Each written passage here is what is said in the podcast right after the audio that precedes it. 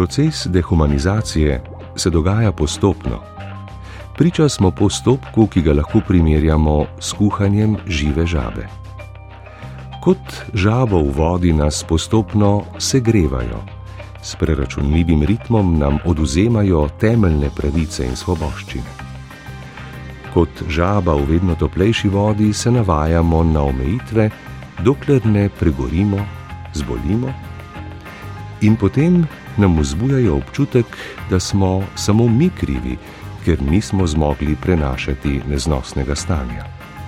Kar naprej nam dopovedujejo, da je sedanje edino možno, za povrh pa naj bi bilo še najboljše kuhanje žive žabe, odr kot svet, v katerem smo vsi igravci, šah kot igra družbe, v kateri so vloge jasno razdeljene. To je nekaj prispodob, ki jih je v knjigi Ta krasni nori svet uporabil vedno prodorni in kritični avtor Karel Gržan, humanist, publicist in duhovnik. Delo je išlo marca letos pri založbi Sanje.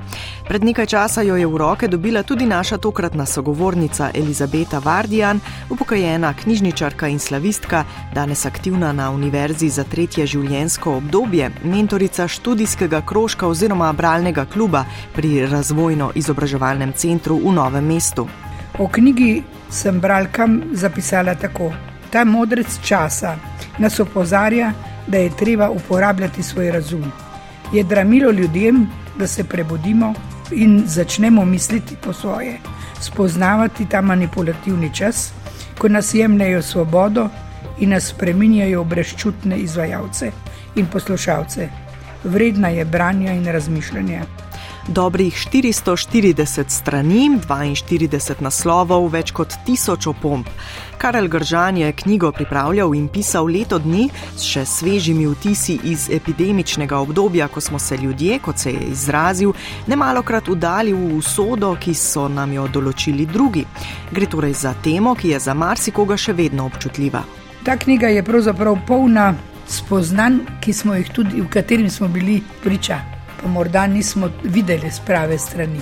In ko on to po, spodaj v pombah opiše, kdo, kdaj, kje je bilo to objavljeno, eh, je pravzaprav to en tak dokument časa, ko če se bomo obrnili nazaj, bo najbrž marsikdo bi moral iti na kakšen proces, ker je to povzročal. Eh, z dokumentom pokaže, kje je bilo objavljeno, kdaj je bilo tako odločeno, kdaj, je, kdaj že gre ta svet v manipulacijo in v to, da nas eh, naredijo ne fajn ljudke, ki se bomo med sabo prej sprli, ko pa sodelovali. To je najbrž eh, tako huda misel za tistega, ki hoče drugačne ljudi. Ampak ker smo mi v tem svetu in si ga želimo lepega in želimo sodelovati in želimo, da bi nam bilo lepo, je potem ta misel grešna. Grešna za tiste, ki misli, da moramo biti samo v, enem, v eni koloni, se klanjati vsemu, kar nam dajo. Knjige ne boste prebrali na en mah, pravi sogovornica. To seveda ni romantično delo, ampak gre za zapis resničnega, ne malokrat krutega časa. Po drugi strani pa dodaja, da ne bo kdo mislil, da je knjiga pesimistična. Ne, ne, zanimivo, da pa ni negativen, celo uh, spodbujevalen in pravi, kako moramo z ironijo marsikaj rešiti in smehom da marsikdaj se da te stvari tudi tako preiti, da nisi preveč zagrenjen. Ne? Da najdeš tudi smešne stvari v tem. Ne? Tehtno, srčno branje, pisano z neverjetno energijo, je zapisal urednik Peter Pauh. Zgovorno je že samo kazalo knjige. Eno izmed poglavij ima naslov Ustanavljajmo krožke za ironizacijo. Elizabeti Vardijan pa je najbolj ostal v spominu stavek: Dobrodošli so vsi, ki želijo prevesti norost v modrost. Torej, levi in desni, verni in agnostiki, cepljeni in necepljeni, zagovorniki in nasprotniki ukrepov povezuje, on je povezovalen človek in to mi je všeč. In prav, če bi ljudje tako čutili v sebi, da so edinstveni, vsi smo edinstveni in vsak ima nekaj dobrega in to dobro je treba v ljudeh iskati. In ko to dobro najdeš, ga boš tudi izval v njem.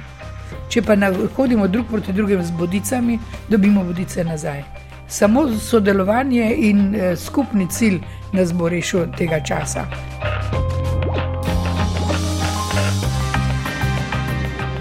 Recimo ta del se mogoče se mi je zdelo, da bi bilo prav. Moramo iskati in najti poti, po katerih si bomo različni ljudje v konkretnem obdobju lahko v svobodni odgovornosti do zemlje, rastlin, živali in drug do drugega potrpežljivo oblikovali pogoje za dozor, dozorevajoče tek življenja. Ta pot je težja, uspehi negotovi, polna so presenečen, razočaran in tudi nepričakovanih odkritij, ponovno prebujenega zaupanja in veselja. Ta svet je krasen, mar ni že čas, da prerastemo norost, ki so jo zasejali v nas in se, zato, in se je zato razrasla med nami, mar ni že čas, da obnovimo in okrepimo človečnost. Avtor je v svojem pisanju konkreten, piše o vlogi medijev v zadnjih letih, sprašuje se o zanesljivosti testiranja, smiselnosti medicinskih in omejevalnih ukrepov. Ker mi imamo vsi svoje možgane in ti se zaporabiti. In to uporabiti tam, ko vidiš, da ti nekdo kroji, da te nekdo že omejuje. Ker eh, tako pravi, mi smo rojeni zato, da bomo živeli lepo. In zakaj si potem življenje otežujemo? Če se ljudje med sabo pogovarjajo, ne se in izmenjujejo mnenja, postajajo modrejši in potem tudi svoja prepričanja lahko tudi kdaj premaknejo.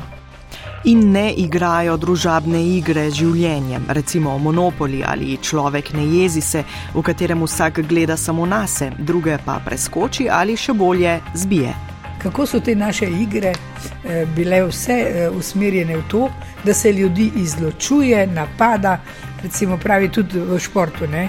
Vse je napad, eh, ni, ni recimo dajanje golov, ne? ampak napad. Govori tudi o naj, najbolj nedolžni igri med dvema ognjema, ki pravi, kaj delamo tam. Izločujemo slabše.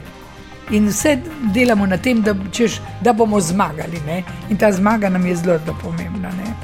Zato, pravi sogovornica, so pomembni takšni dokumenti časa, ki družbi nastavijo ogledalo.